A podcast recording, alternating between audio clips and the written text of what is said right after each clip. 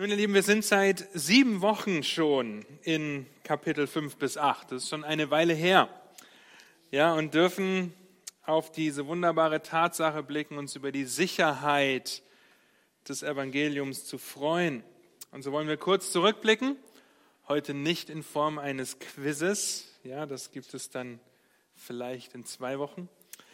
Wollen wir kurz zurückblicken, bevor wir in Kapitel 8 weitermachen. Römer 5 in Römer 5 haben wir, falls ihr euch erinnert, diese unerschütterliche Hoffnung gesehen, die in Bedrängnis Ausharren bewirkt. Wir haben die unumstößliche Liebe gesehen, die Gott uns erwiesen hat, als wir noch Sünder waren. Und wir haben unsere unwiderrufliche Stellung in Christus anstatt in Adam gesehen. In Römer 6 haben wir gesehen, dass ein Herrschaftswechsel stattgefunden hat, den wir begreifen müssen und den wir mit einbeziehen müssen, wenn wir geistlich wachsen wollen. In Römer 7 haben wir gesehen, dass wir nicht mehr unter dem Gesetz sind, sondern mit Christus vereint sind. Gleichzeitig haben wir gelernt, dass wir das Gesetz nicht nutzen können, um geheiligt zu werden und dass es auch nichts nutzt, um uns zu retten, sondern der Nutzen ist, dass es uns der Sünde überführt. Und während dieser ganzen Kapitel, auch in Kapitel 8, das wir letzte Woche angefangen haben, hat Paulus immer wieder deutlich gemacht, dass ein Austausch stattgefunden hat. Ja, dass wir ein neues Wesen sind. Ein altes Wesen in Adam, im Fleisch, in der Sünde, in der Sklaverei und so weiter. Und ein neues Wesen in Christus, Werkzeuge der Gerechtigkeit, Sklaven Christi mit Christus vereint. Und letzte Woche haben wir mit Kapitel 8 begonnen uns das neue Leben angeschaut und gesehen, wie Paulus die Sicherheit eines Menschen festklopft, der in Christus ist. Die Pyramide, wenn ihr so wollt, die Pyramide der Sicherheit eines Christen in Kapitel 8. Ja, wir haben den ersten Teil, die ersten drei Ebenen letzte Woche behandelt. Heute wollen wir die, die mittlere und nächste Woche die letzte Ebene uns damit beschäftigen. Und so befinden wir uns in der Mitte und wollen uns heute durch die dreifache Hoffnung eines hoffnungsvollen Lebens ermutigen lassen. Nun eine Frage an euch. Wie kann eine Windkraftanlage einem Sturm standhalten? Wie ist das möglich? Wie ist es möglich, dass sie bei einem Sturm nicht einfach umfällt? Sie dreht sich raus ab einer gewissen Windstärke, jawohl. Was ist noch nötig? Dass man überhaupt so hoch äh, bauen kann. Ein Fundament. Okay, sie ist festgegründet aufgrund eines Fundaments. Hier seht ihr so ein Fundament, ja, was ziemlich groß ist, um so ein Windrad zu halten. Nun, wenn wir jetzt zu diesem Abschnitt in Römer 8 kommen, zu dem wir heute kommen, die Verse 17 bis 30, dann ist das ein sehr stürmischer Abschnitt, den Paulus jetzt behandelt. Und Paulus gründet das Leben und die Herausforderungen, die das Leben im Hier und Jetzt mit sich bringt, das, was wir alle leben, das, was es mit sich bringt, in einer gefallenen Welt zu leben, auf das Fundament der sicheren Hoffnung, der Zuversicht. Und wir wissen alle, was es heißt, in diesem Leben in einer gefallenen Welt zu leben. Wir sündigen, an uns wird gesündigt und wir spüren die Auswirkungen einer gefallenen Welt an unserem Körper oder an den Körpern unserer Lieben. Wir werden krank, wir haben körperliche Einschränkungen, wir werden alt, also manche, ja, und können uns verletzen. Einige spüren diese Auswirkungen ihr ganzes Leben lang, weil sie seit ihrer Geburt im Rollstuhl sitzen oder geistig oder motorisch so eingeschränkt sind, dass sie kein in Anführungsstrichen normales Leben führen können. Das heißt, im Leben auf dieser Seite der Ewigkeit geht es nicht so sehr darum, ob wir Leid oder Sünde erfahren, sondern vielmehr darum, wie wir damit umgehen, wie wir darauf reagieren und wohin wir damit fliehen welche Überzeugung, welche Zuversicht und Hoffnung wir haben, wenn es um das Leben im Hier und Jetzt geht. Und so lade ich euch ein, Römer 8 mit mir aufzuschlagen. Römer 8, die Verse 17 bis 30 mit mir zu lesen. Und ihr könnt darauf achten, wie Paulus davon spricht, dass er etwas weiß oder dass er etwas nicht weiß, weil das wird uns dabei helfen, die dreifache Hoffnung für das Leben im Hier und Jetzt zu sehen. Römer Kapitel 8, ab Vers 17, Gottes Wort sagt, wenn wir aber Kinder sind, so sind wir auch Erben, nämlich Erben Gottes und Miterben des Christus. Da haben wir das letztes Mal aufgehört, wenn wir wirklich mit ihm leiden, damit wir auch mit ihm verherrlicht werden. Denn ich bin überzeugt, dass die Leiden der jetzigen Zeit nicht ins Gewicht fallen gegenüber der Herrlichkeit, die an uns geoffenbart werden soll. Denn die gespannte Erwartung der Schöpfung sehnt die Offenbarung der Söhne Gottes herbei. Die Schöpfung ist nämlich der Vergänglichkeit unterworfen, nicht freiwillig, sondern durch den, der sie unterworfen hat, auf Hoffnung hin. Dass auch die Schöpfung selbst befreit werden soll von der Knechtschaft der Sterblichkeit zur Freiheit der Herrlichkeit der Kinder Gottes. Denn wir wissen, dass die ganze Schöpfung mitseufzt und mit in den Wehen liegt bis jetzt. Und nicht nur sie, sondern auch wir selbst, die wir die Erstlingsgabe des Geistes haben, auch wir erwarten seufzend die Sohnestellung, die Erlösung unseres Leibes. Denn auf Hoffnung hin sind wir errettet worden. Eine Hoffnung aber, die man sieht, ist keine Hoffnung, denn warum hofft auch jemand auf das, was er sieht? Wenn wir aber auf das hoffen, was wir nicht sehen, so erwarten wir es mit standhaftem Ausharren. Ebenso kommt aber auch der Geist unseren Schwachheiten zu Hilfe, denn wir wissen nicht, was wir beten sollen, wie sich's gebührt. Aber der Geist selbst tritt für uns ein mit unaussprechlichen Seufzern. Der aber die Herzen erforscht, weiß, was das Trachten des Geistes ist, denn er tritt so für die Heiligen ein, wie es Gott entspricht. Wir wissen aber, dass denen, die Gott lieben, alle Dinge zum Besten dienen, denen, die nach dem Vorsatz berufen sind. Denn die er zuvor ersehen hat, die hat er auch vorherbestimmt, dem Ebenbild seines Sohnes gleichgestaltet zu werden, damit er der Erstgeborene sei unter vielen Brüdern. Die er aber vorherbestimmt hat, die hat er auch berufen. Die er aber berufen hat, die hat er auch gerechtfertigt. Die er aber gerechtfertigt hat, die hat er auch verherrlicht. Lass mich noch beten. Herr, habt ihr Dank für diesen Abschnitt. Habt ihr Dank dafür, dass wir uns mit der Hoffnung beschäftigen dürfen, die du uns gibst für ein Leben im Hier und Jetzt. Lasst uns ermutigt sein dadurch. Lasst das zu einem Ausharren und zu einer Freude dienen, wenn wir darüber nachdenken, was es heißt, ein hoffnungsvolles Leben zu haben, Herr. Amen.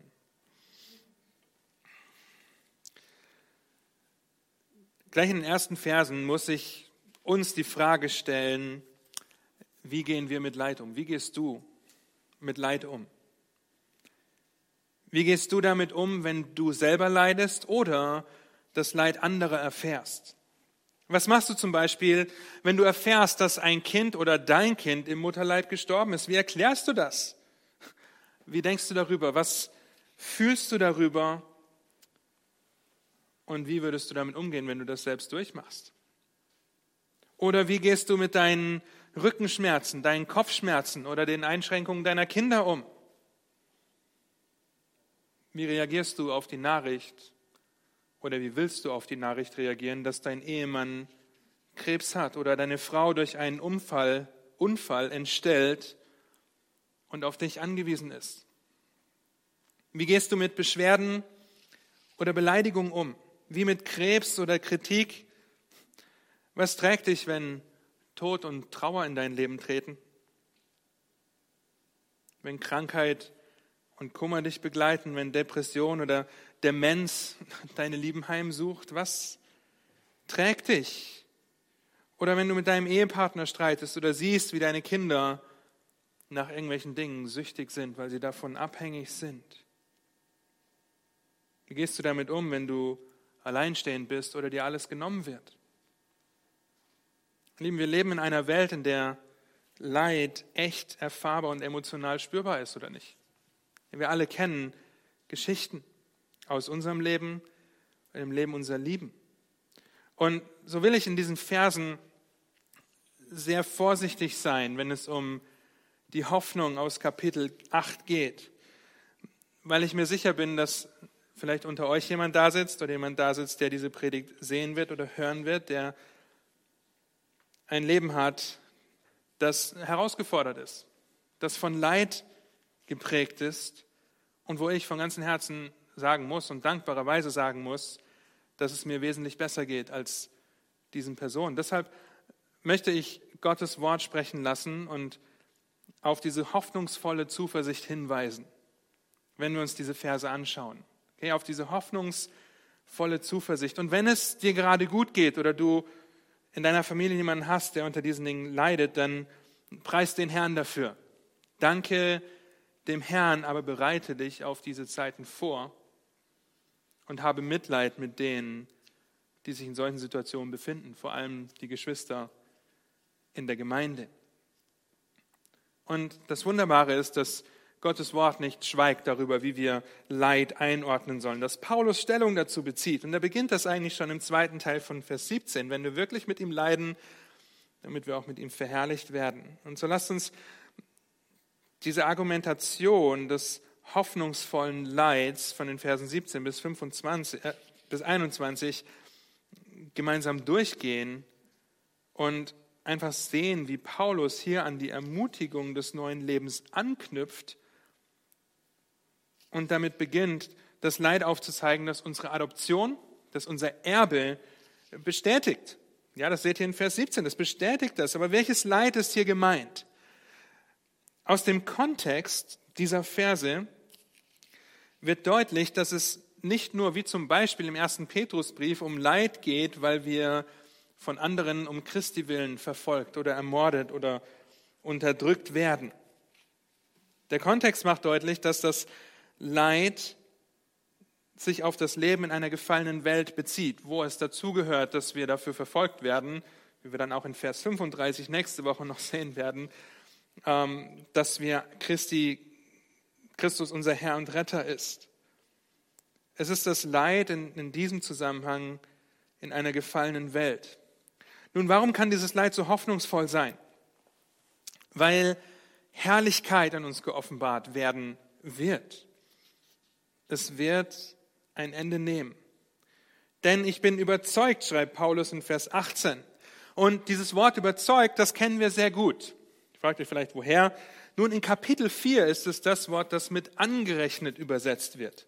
Ja, dass uns Gerechtigkeit angerechnet wurde, dieses aus dem Bankwesen, dass ich etwas berechne, die Überzeugung habe, etwas auszurechnen und etwas anzurechnen. Paulus hat also ausgerechnet, auch wenn man das mathematisch nicht ausrechnen kann, aber dieses Wort benutzt er hier, dass die Leiden des Lebens im Hier und Jetzt nicht ansatzweise ins Gewicht fallen gegen dem, was in der Zukunft auf, uns wartet.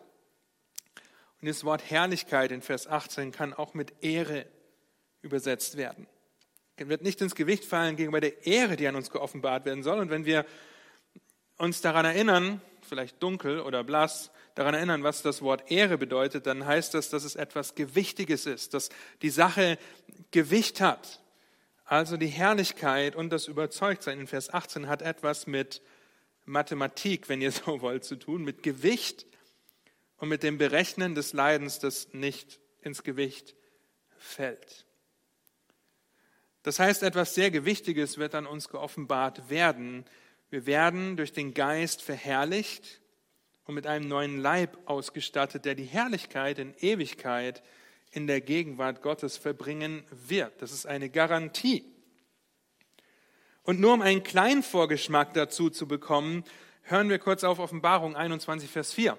Offenbarung 21, Vers 4, das heißt es, und Gott wird abwischen alle Tränen von ihren Augen und der Tod wird nicht mehr sein. Weder Leid noch Geschrei noch Schmerz wird mehr sein, denn das Erste ist vergangen.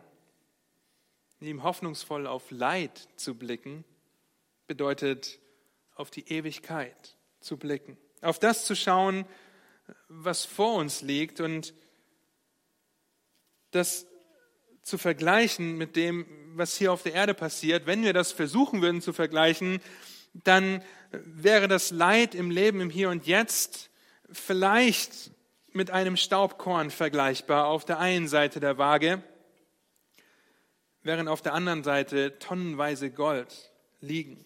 Es fällt nicht ins Gewicht, sagt Paulus. nicht nur, dass wir hoffnungsvoll im Leid der jetzigen Zeit sind, uns die Herrlichkeit herbeiwünschen. In Vers 19 seht ihr, dass die Schöpfung das auch erwartet. Die Schöpfung hat die gespannte Erwartung. Und gespannte Erwartung ist ein genaues Beobachten, ein Warten wie ein Soldat, der auf dem Aussichtsturm Wache hält und danach schaut, ob entweder der eigene Spion oder die feindliche Armee auftauchen. Ja, so wartet die Schöpfung gespannt auf diesen Tag, an dem der Heilige Geist die Kinder Gottes mit dem verherrlichten Leib, dem neuen Leib, sichtbar machen wird.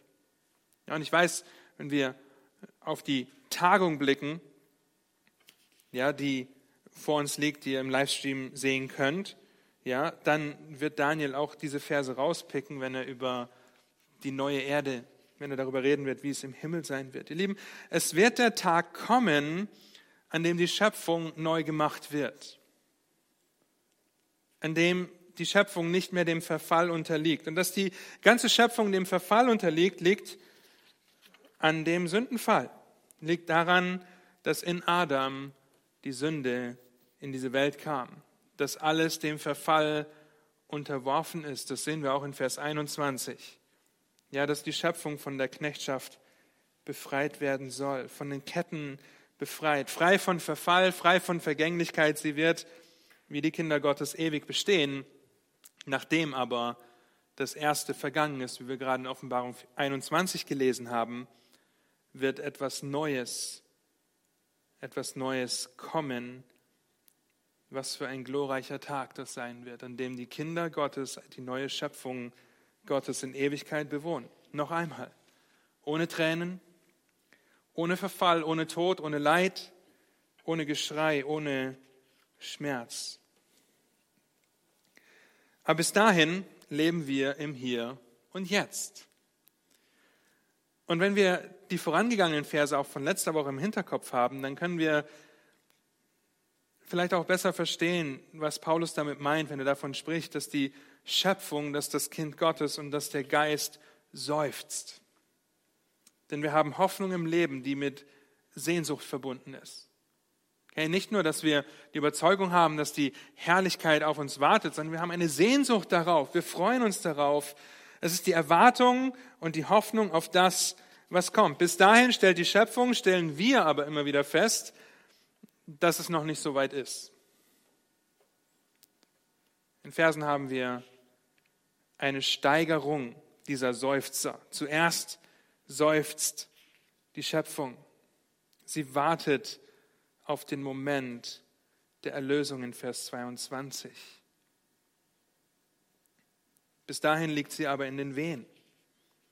Das heißt, sie erwartet diese Geburt jederzeit, aber nicht absehbar. Und Seufzen können wir mit Wehen wahrscheinlich gut in Verbindung bringen. Ich nicht, aber ihr Frauen, die ihr Kinder bekommen habt, könnt das wahrscheinlich gut in Verbindung bringen. Jeremia 4, Vers 31 benutzt dieses selbe Wort in der griechischen Übersetzung des Alten Testaments und macht es bildlich für das bevorstehende Leid von Israel. Und Jeremia schreibt, schreibt, ja, denn ich höre ein Geschrei wie von einer, die in den Wehen liegt. Und Geschrei ist dasselbe Wort, das für Seufzen benutzt wird. Es ist ein Ächzen, ja, ein Seufzen, ein Hoffen, dass es bald vorbei ist. Schmerzen, die man gerade so aushalten kann und nur darauf wartet, bis sie vorbei sind. Aber nicht, damit die Schmerzen einfach vorbei sind. Und ich denke, das ist sehr wichtig, wenn, wenn wir in unseren Text schauen. Sondern, aber nicht damit die Schmerzen einfach vorbei sind, sondern weil man weiß, was danach kommt. Was ist, wenn die Wehen vorbei sind bei einer Frau? Was hält sie in den Arm? In der Regel ein Kind. Okay? Eine Frau, die in den Wehen liegt, weiß genau, wenn das vorbei ist, halte ich mein Kind in den Arm und die Schmerzen sind vielleicht noch da, aber sie sind lange nicht mehr so präsent wie vorher, weil etwas Neues, etwas Wunderbares jetzt da ist. Aber bis zu diesem Zeitpunkt, bis zu diesem Zeitpunkt wird sie unter der Last der Wehen seufzen Genauso wird die Schöpfung bis zu diesem Zeitpunkt unter der Last der Wehen seufzen. Aber nicht nur die Schöpfung, sondern auch wir als Kinder Gottes. Okay, Vers 23, nicht nur sie, sondern auch wir selbst. Und hier sehen wir, wenn Paulus von wir spricht, er redet von denen, die in Vers 15 diejenigen sind, die den Geist der Sohnschaft empfangen haben, die rufen aber Vater. Ein Ungläubiger wartet nicht auf die Herrlichkeit in Ewigkeit. Wir als Kinder Gottes seufzen und liegen in den Wehen genauso wie die Schöpfung. Nicht nur sie, sondern auch wir erwarten diese Sohnestellung. Und wir können das nur, weil wir die Hoffnung haben auf das, was vor uns liegt. Aber warum haben wir diese feste Gewissheit, diese klare Zuversicht? 8 Vers 1, weil es keine Verdammnis mehr für die gibt, die in Christus sind. Ja, in dem Moment, wo du gläubig wirst, wo du den Herrn Jesus Christus als dein Herrn und Retter bekennst und in deinem Herzen daran glaubst, dass er aus den Toten auferstanden ist für deine Sünde, bist du innerlich eine neue Schöpfung, weil der Heilige Geist dich erneuert. Und ab dem Moment sehnst du dich danach, auch äußerlich neu zu werden. Und in der Zwischenzeit findet der, statt, der Kampf statt, von dem Paulus in Kapitel 7 berichtet. Ohne den Heiligen Geist, der uns erneuert, der uns bewohnt und der uns befähigt, haben wir kein neues Leben. Okay, das ist die Erstlingsgabe des Geistes, dass wir ewiges Leben haben. Ohne den Tod unseres Herrn am Kreuz, stellvertretend für uns, würden wir nach wie vor alles daran setzen, uns Schätze auf Erden zu sammeln, weil wir die Wahrheit unterdrücken würden und gar nicht begreifen würden, was auf uns wartet. Das heißt also, wir sind schon eine neue Schöpfung, die die neue Schöpfung herbeisehnt. Mit Seufzern, die sagt, ah, wann ist es endlich soweit und wie lange muss ich noch in diesem Leib aushalten? Und vielleicht ergeben dann die Verse aus 2. Korinther Kapitel 4 und 5 Sinn. Schlag das mit mir auf. 2. Korinther 4 ab Vers 16. 2. Korinther 4 ab Vers 16, da heißt es, Darum lassen wir uns nicht entmutigen, sondern wenn auch unser äußerer Mensch zugrunde geht, so wird auch der innere Tag für Tag erneuert. Denn unsere Bedrängnis, die schnell vorübergehend und leicht ist, verschafft uns eine ewige und über alle Maßen gewichtige Herrlichkeit, da wir nicht auf das Sichtbare sehen, sondern auf das Unsichtbare. Denn was sichtbar ist, ist zeitlich. Was aber unsichtbar ist, das ist ewig. 5 Vers 1. Denn wir wissen, wenn unsere irdische Zeltwohnung abgebrochen wird, haben wir im Himmel einen Bau von Gott, ein Haus, nicht mit Händen gemacht, das ewig ist. Und der Kontrast zwischen Zelt und Haus, der sollte uns deutlich vor Augen sein, okay, was der Unterschied ist. Vers 2. Denn in diesem Zelt seufzen wir vor Sehnsucht danach, mit unserer Behausung, die vom Himmel ist, überkleidet zu werden sofern wir bekleidet und nicht unbekleidet erfunden werden. Denn wir, die wir in dem Leibeszelt sind, seufzen und sind beschwert, weil wir lieber nicht entkleidet, sondern überkleidet werden möchten, sodass das Sterbliche verschlungen wird vom Leben. Der uns aber hierzu bereitet hat, ist Gott, der uns auch das Unterpfand des Geistes gegeben hat. Darum sind wir alle Zeit getrost und wissen, solange wir im Leib daheim sind, sind wir nicht daheim beim Herrn. Denn wir wandeln im Glauben und nicht im Schauen. Wir sind aber getrost und wünschen vielmehr, aus dem Leib auszuwandern und daheim zu sein bei dem Herrn. Darum suchen wir auch unsere Ehre darin, dass wir ihm wohlgefallen, sei es daheim oder nicht daheim. Das heißt, das Anliegen ist es, in den Herausforderungen des Hier und Jetzt, ihm wohl zu gefallen, indem wir richtig auf das reagieren, was Gott in unser Leben stellt. Und in meinem Leben schaue ich auf Situationen zurück, die mich haben seufzen lassen. Aber die Herausforderung daran ist, dass ich darauf zurückschaue, während andere ihr ganzes Leben in so einer Situation stecken. Joni Erickson Tada. Sie hat mit 18 Jahren durch einen Badeunfall eine Ganzkörperlähmung ohne Aussicht auf Heilung erlebt. Also es müsste jetzt um die 60, 61 sein. Und sie schreibt Folgendes. Und es ist wichtig, dass wir das verstehen. Okay? Sie schreibt, Zitat, zum vierten Mal an diesem Tag musste ich aus meinem Rollstuhl gehoben und hingelegt werden. Wir mussten mein Korsett neu anpassen. Sie trägt ein Korsett, weil sie sonst nicht halten könnte. Wir mussten mein Korsett neu anpassen. Flacher Atem, Schwitzen und explodierender Blutdruck signalisierten, dass etwas meinen gelähmten Körper entweder zwickte oder quetschte.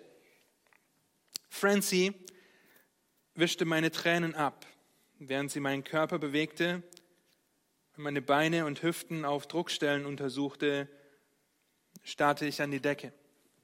Ich war es leid, gelähmt zu sein. Ich war es der endlosen, alltäglichen, behinderten Routinen überdrüssig. Ich hatte genug davon und murmelte an die Decke, ich will aufgeben. Francie grinste.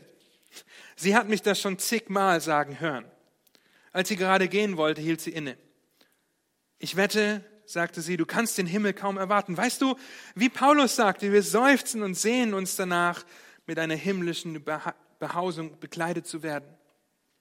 Meine Augen wurden wieder feucht, aber diesmal waren es Tränen der Erleichterung. Meine Schwester hatte mir gerade eine sehr tröstliche, kraftvolle Erinnerung gegeben. Ja, es wird großartig sein, sagte ich.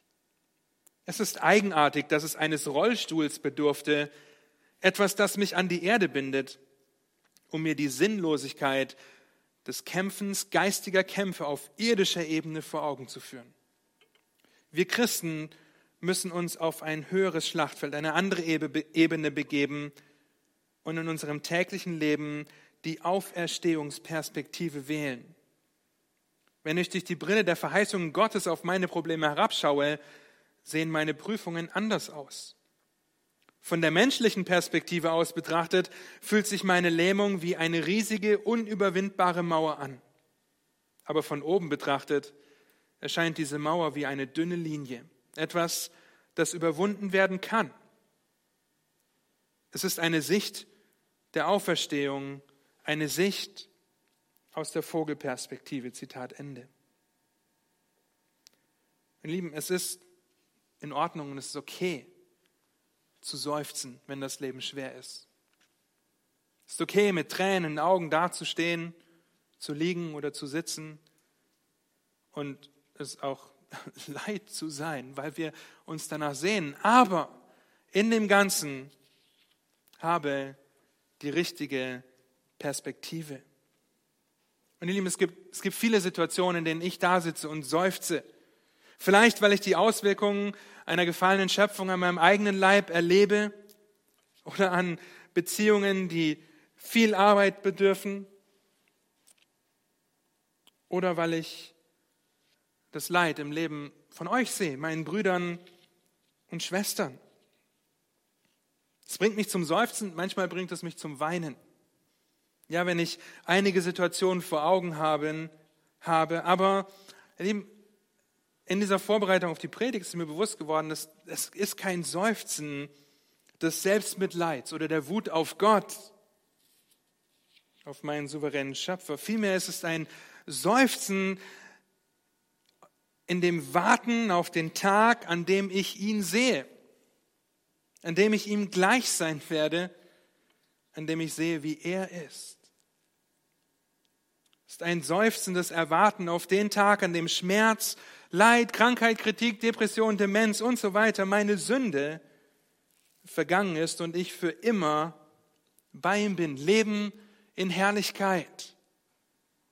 Lieben, das sollte unsere Hoffnung sein. Und darum harren wir aus. Okay, weil wir ein Leben der Herrlichkeit bei ihm vor Augen haben. Die Schöpfung, die Kinder Gottes seufzen. Der Höhepunkt ist, dass der Heilige Geist für mich seufzt, weil ich nicht einmal eine Ahnung habe, wie ich alles, was Gott in mein Leben stellt, vor Gott bringen soll. Und wir können zum Thron der Gnade kommen, um Barmherzigkeit und Gnade zu finden zur rechtzeitigen Hilfe. Aber als gefallene Geschöpfe wissen wir so oft nicht, wie wir beten sollen, wie es sich für einen heiligen Gott gebührt wie wir beten sollen, wenn wir in den Herausforderungen sind. Und dann fühlt sich unser Gebet ungefähr so an. Okay? Dear God, Amen. Also lieber Gott, Amen. Und zwischen, wir wissen nicht, was wir beten sollen. Nun, ihr Lieben, der Heilige Geist tritt für uns ein, weil der Heilige Geist weiß, wonach Gott trachtet. Und letztes Mal haben wir uns mit dem Trachten beschäftigt, was für eine Gesinnung Gott hat, was ihm entspricht und wie er die Ehre bekommt. Der Geist seufzt mit uns.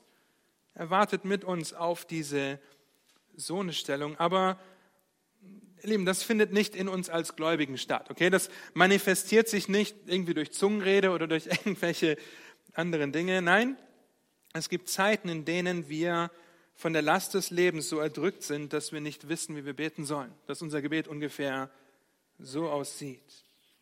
Was für eine Hoffnung, dass der Geist Gottes für uns einsteht, wenn wir uns in seine Abhängigkeit begeben.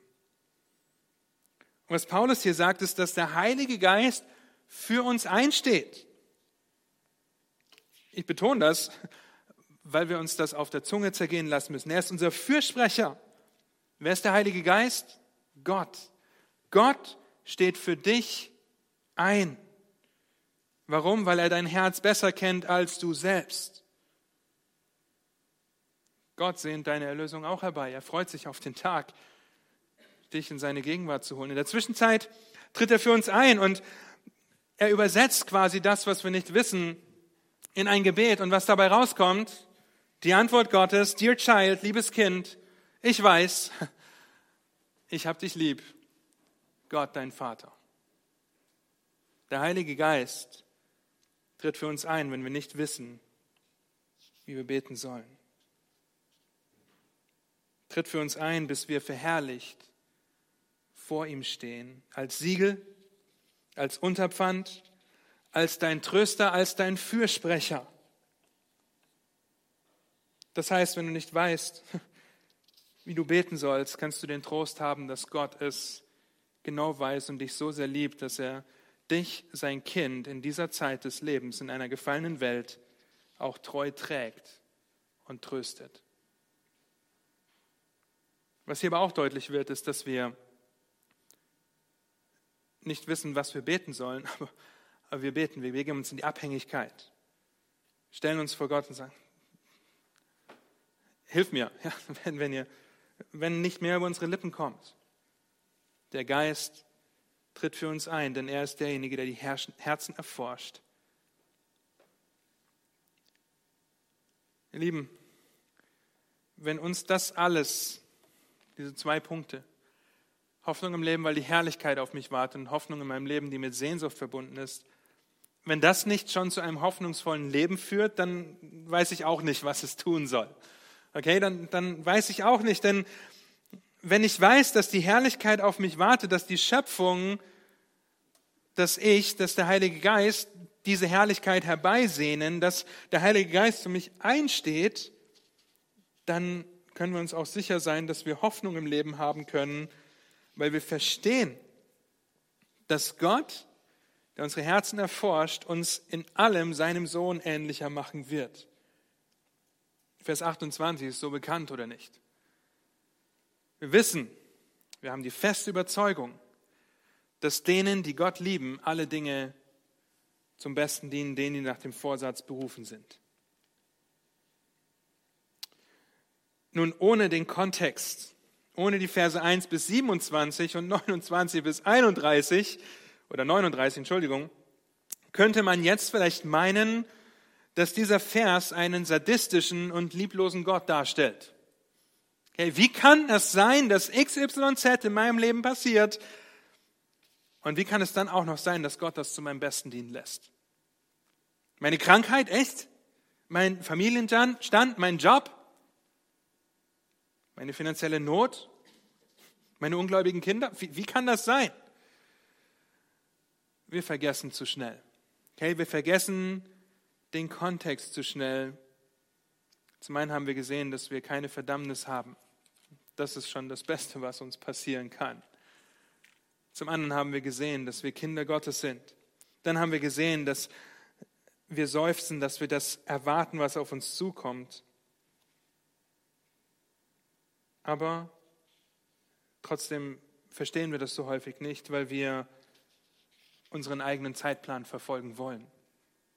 Nicht den Zeitplan Gottes, vielleicht nicht unbedingt das Ziel Gottes, sondern unser eigenen. Warum hadern wir als Kinder Gottes so häufig mit Gott in den Situationen, die er uns stellt? Und die Herausforderung ist, dass wir die falsche Perspektive haben. Eine Perspektive, von der Joni Erickson gerade geschrieben hat. Eine irdische Perspektive, wo das Leid wie eine Mauer vor dir steht, weil du nicht von oben schaust. Und so sehen wir nur den Moment dieser Prüfung und fangen an, Gott in Frage zu stellen, in Zweifel zu ziehen und uns Auswege zu suchen, wie wir da vielleicht bestmöglich rauskommen, weil wir meinen, es dreht sich um meine eigene Zeit, okay, um meine eigene Ehre. Dann fangen wir an, so einen Vers zu hinterfragen. Sollte das wirklich mir zum Besten dienen jetzt? Sollte Gott wirklich gesagt haben, dass alles zum Besten dient? Und ihr habt mich das auch schon häufig sagen können, das Griechische für alles ist nicht so schwer zu übersetzen. Es hat nicht mehrere Bedeutungen wie das Wort Paraklet. Ja? Alles im Griechischen bedeutet alles, ohne Ausnahme. Da gehört alles dazu. Alles, was wir vorhin schon aufgezählt haben. Aber wie kann das zum Besten dienen? Und wenn wir den Kontext betrachten und die richtige Perspektive einnehmen, weil wir selbst nicht verstehen, wie das sein kann, aber uns daran erinnern dürfen, dass wir einen guten Gott haben, der das zugelassen hat und der das dazu gebraucht, um uns in der Heiligung wachsen zu lassen, ihm ähnlicher zu machen. In Kapitel 6 habt ihr unter anderem in Vers 22, ihr habt als Frucht die Heiligung. In Kapitel 5 sehen wir, dass die Bedrängnis, Ausharren bewirkt. Wir sind nach Gottes Vorsatz berufen, heißt es hier. Er ist derjenige, der uns erlöst, der uns befreit, der uns vergeben hat. Er ist derjenige, der seine Feindschaft in Freundschaft gewandelt hat, der die Knechtschaft zur Sohnschaft umgewandelt hat. Und wenn es nach seinem Vorsatz geht, den er gefasst hat, dann sehen wir, und wir werden uns nächste Woche weiter damit beschäftigen, dass alles von ihm ausgeht. Wir können nichts tun. Vers 29 sehen wir, dass wir in allem dem Ebenbild seines Sohnes gleichgestaltet werden, gegenwärtig und zukünftig. Okay, das Faszinierende ist hier, dass in dem Moment einer Rettung diese Erneuerung eintritt und andauert. Wenn Gott den Menschen in seinem Bild geschaffen hat, 1. Mose 1, 27, 26, und wir wissen, dass der Sündenfall dieses Bild völlig verzerrt hat und entstellt hat, dann sehen wir in diesem Vers, dass Gott dieses Bild wiederherstellt in Christus. Wir sehen, dass der Mensch heute ohne Gott sich selbst repräsentiert, zu seiner Ehre lebt, anstatt für Gott lebt. Und das haben wir auch in Römer 1 schon gesehen. Und im Moment der Errettung, im Moment deiner Errettung wird dieses ursprüngliche Bild, diese ursprüngliche Absicht wiederhergestellt, weil wir auf einmal Gott, dem Schöpfer, im Hier und Jetzt schon die Ehre geben können. Und du wirst dem Sohn gleich, haben wir in Kapitel 6 gesehen, und gleichzeitig wirst du mehr und mehr ähnlich. Die fortschreitende Heiligung seinem Ebenbild entsprechend bist du jetzt aufgrund der Sicherheit des Evangeliums in der Lage, Gott zu ehren, ihn zu repräsentieren und um dieses Ziel mehr und mehr zu erreichen, stellt Gott uns sämtliche Situationen, sämtliche Umstände, sämtliche Herausforderungen, sämtliche Beziehungen in den Weg, die uns zum Besten dienen, damit wir ihm ähnlicher werden. Sie dienen uns immer zum Besten. Nicht, weil es um unseren Zeitplan oder unsere Ehre geht, sondern weil es um Gottes Zeitplan und seine Ehre geht, weil sie dich dem ähnlicher machen, der dich erlöst hat. Und damit wir bleiben noch fünf Minuten, um über die Erwählung zu sprechen. Die Erwählungslehre ist etwas umfänglicher als fünf Minuten, okay? Wir haben eine ganze Tagung dazu schon gemacht und ich ermutige euch, den Vortrag aus der Rettung, aus der Tagung die Errettung des Menschen anzuhören, den von Daniel, weil er hat genau über diese Verse, die unzerstörbare Kette der Errettung gesprochen. Ja, ist etwas umständlicher. Wir werden aber auch in den äh, vor uns liegenden Kapiteln noch das ein oder andere Mal dahin zurück, da, darauf zurückkommen. Aber die verbleibende Zeit gehen wir das wirklich nur kurz durch. Okay? Ein, ein Überblick. Wir sehen diese Kette, die er zuvor ersehen hat. In Vers 29. Zuvor ersehen oder zuvor gesehen, da geht es nicht darum, dass Gott gesehen hat, wer irgendwann an ihn glaubt. Okay? Er steht über der Zeit und das Argument ist, er schaut in den Tunnel der Zeit und sieht, wer sich für ihn entscheidet und diejenigen, die er wählt hat. Und das ist nicht das Argument. Denn in dem Moment, in dem wir diesem Denken aufsitzen, vergessen wir, dass der Glaube in dem Moment ein Werk wäre. Okay, versteht ihr die, die Konsequenz dahinter, wenn ich sage, Gott schaut in den Tunnel der Zeit, er wählt sich die Personen, die an ihn glauben, dann ist meine Erwählung, meine Errettung aufgrund meines Werkes des Glaubens geschehen. Aber wir sehen, dass Gott nicht aufgrund Werke rettet, aufgrund von Werken. Ja, sonst hätte, er Kapitel, sonst hätte Paulus Kapitel 1, 2 und 3 und 4 nicht geschrieben.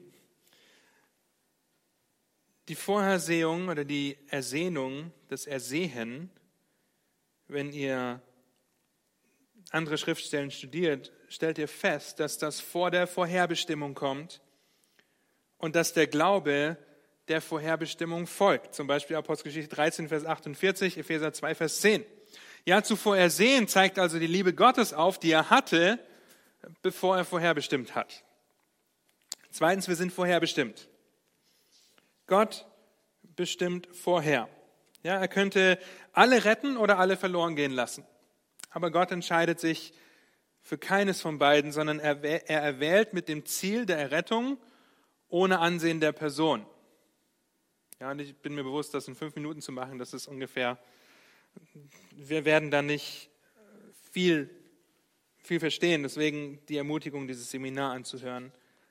Erwählt mit dem Ziel der Errettung ohne Ansehen der Person. Wenn wir die Erwählung oder die Vorherbestimmung richtig einordnen wollen, dann müssen wir sehen, dass die Erwählung durch den Vater nur in Abhängigkeit mit dem stellvertretenden Tod Jesu Christi am Kreuz und der erneuernden Arbeit des Heiligen Geistes in Verbindung stehen kann. Okay, wir haben nichts damit zu tun, es wird an uns getan.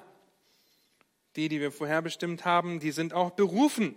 Drittens, die Erwählten werden dem Ruf Gottes zum Glauben nicht widerstehen können. Unwiderstehliche Gnade habt ihr vielleicht schon gehört. Das ist die bedingungslose Erwählung, die zu unwiderstehlicher Gnade führt. Als Mensch, der dem äußeren Ruf oder Aufruf zur Buße folgt und seine Sünde innerlich vor Gott bekennt, glaubst du dem Evangelium und wirst gerettet. Ja, und ein Satz aus der Tagung von dem Vortrag von Daniel ist, die Tür, falls ihr euch erinnert, auf der vorne steht, Glaube dem Evangelium und auf der Rückseite erwählt vor Grundlegung der Welt. Das heißt, wir können gar nicht anders als zu glauben. Wir sind viertens gerechtfertigt.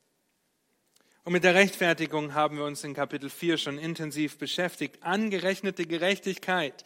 Für gerecht erklärt, weil Christus für uns zur Sünde wurde. Das ist das Leben im Hier und Jetzt als Kind Gottes. Und wir sehen als letztes, dass wir verherrlicht sind. Vers 30 am Schluss. Jetzt sind wir schon verherrlicht am inneren Menschen. Okay? Eine neue Schöpfung, ein neues Wesen. Eines Tages wird ein neuer Leib, ein verherrlichter Leib mit dem neuen Wesen übereinkommen und wir werden die Ewigkeit in Gottes Gegenwart verbringen. Und wenn wir diese, diese Kette, die wir jetzt wirklich nur kurz betrachtet haben, anschauen, dann stellen wir fest, dass wir absolut nichts dazu beitragen. Okay, keiner von uns trägt etwas dazu bei. Das bedeutet auch, wenn wir in die nächste Woche gehen, dass wir eine unerschütterliche Hoffnung haben, weil wir zum einen wissen, dass die Leiden der jetzigen Zeit nicht ins Gewicht fallen, weil wir zur Überzeugung dienen, dass sie uns zum Besten dienen. Wenn es um die Herrlichkeit geht, sie zu 100 Prozent an uns geoffenbart werden soll und zum anderen, weil uns nichts von Gott trennen kann. Keine Verurteilung für die, die in Christus sind, keine Trennung für die, die in Christus sind.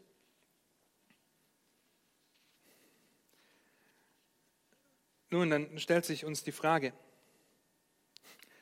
ist es das denn wert, zu leiden, in den Herausforderungen des Lebens zu stehen? Wenn du eine Hoffnung, eine feste Gewissheit hast, dass du auf die Herrlichkeit in Ewigkeit in der Gegenwart Gottes zusteuerst, dann wird deine Antwort Ja sein. Ein freudiges Ja, weil deine gegenwärtigen Probleme, deine gegenwärtigen Schmerzen und Herausforderungen verblassen, wenn du die Herrlichkeitsperspektive einnimmst und siehst, dass dieses Erbe, was du empfangen wirst, alles bei weitem überwiegt. Nun, wenn du hier sitzt oder das hörst und siehst und diese Gewissheit einer herrlichen Zukunft in der Gegenwart Gottes nicht hast,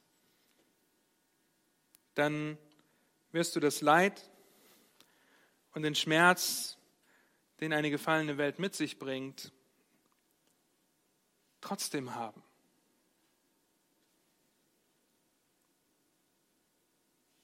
Aber du wirst niemals die Hoffnung haben und auch nicht haben können, dass das eines Tages weggetan wird. Nur durch Christi stellvertretenden Tod und seine Auferstehung können wir diese Hoffnung haben und diese Hoffnung in Anspruch nehmen. Deswegen, wenn du hier sitzt, wenn du das siehst, tu Buße und glaube dem Evangelium. Denn dann bekommst du ein neues Leben, ein hoffnungsvolles Leben. Ein leichteres Leben? Nein. Aber eins mit der Herrlichkeitsperspektive auf das, was vor uns liegt. Auf das, das mit der Herrlichkeitsperspektive auf das Leben im Hier und Jetzt schaut und sagt, denn ich bin überzeugt, dass die Leiden der jetzigen Zeit nicht ins Gewicht fallen gegenüber der Herrlichkeit, die uns geoffenbart werden soll. Wenn du das nicht tust, kannst du den Vers anders sagen. Könntest du sagen, denn ich bin davon überzeugt, dass die Leiden der jetzigen Zeit nicht ins Gewicht fallen mit dem Schmerz, den ich in der Hölle erfahren werde. Wir können das nicht vergleichen. Nun, ihr Lieben, es ist in Ordnung zu seufzen. Es ist in Ordnung, das Leid wahrzunehmen. Aber benutze das Leid in deinem Leben, um auf das zu blicken, was Christus für dich getan hat, wie der Heilige Geist in dir wirkt und wie Gott dich eines Tages in seine herrliche Gegenwart aufnehmen wird, wo all das verblasst und nicht nur verblasst, sondern aufhört zu existieren. Möge der Gott allen Trostes mit uns sein und uns beständig an seine Güte seine Barmherzigkeit, sein Mitgefühl und seine Geduld mit uns erinnern. Amen. Lass mich noch beten. Herr, habt du Dank dafür, dass wir diese feste Zuversicht haben dürfen, dass du ein treuer Gott bist, der auch nicht zulassen wird, dass wir über die Maßen geprüft werden, weil du einen Ausgang damit geschaffen hast. Und wenn dieser Ausgang bedeutet, die Herrlichkeit in deiner Gegenwart zu verbringen, Herr, und so fallen uns wahrscheinlich noch so viele andere Aussagen aus deinem Wort ein, dass unser Leben Christus ist und Sterben ein Gewinn, weil wir dann mit dem neuen Leib überkleidet werden. Ich bete, dass du uns tröstest, dass du uns ermutigst, in den Herausforderungen unseres Lebens auf die Ewigkeit, auf die Herrlichkeit, die uns erwartet, zu blicken. Dass du uns aber auch sensibel dafür machst, wo wir unsere Geschwister mittragen können, sie ermutigen können, für sie beten können wenn wir um ihr Leid, ihre Herausforderungen in ihrem Leben wissen, Herr. Herr, dir allein sei die Ehre, denn du bist derjenige, der uns errettet hat, der uns erlöst hat, der sagen kann, es gibt keine Verdammnis mehr für uns, weil wir durch deine Gnade errettet sind. Dich wollen wir groß machen durch unser Leben. Hilft uns in der kommenden Woche mit dieser Herrlichkeitsperspektive zu leben, darüber nachzudenken, was an uns geoffenbart werden soll, wenn wir das Leid in der jetzigen Zeit sehen. Du Dank für dieses hoffnungsvolle Leben, das wir haben dürfen, durch deine Gnade, durch deine Güte, Herr. Amen.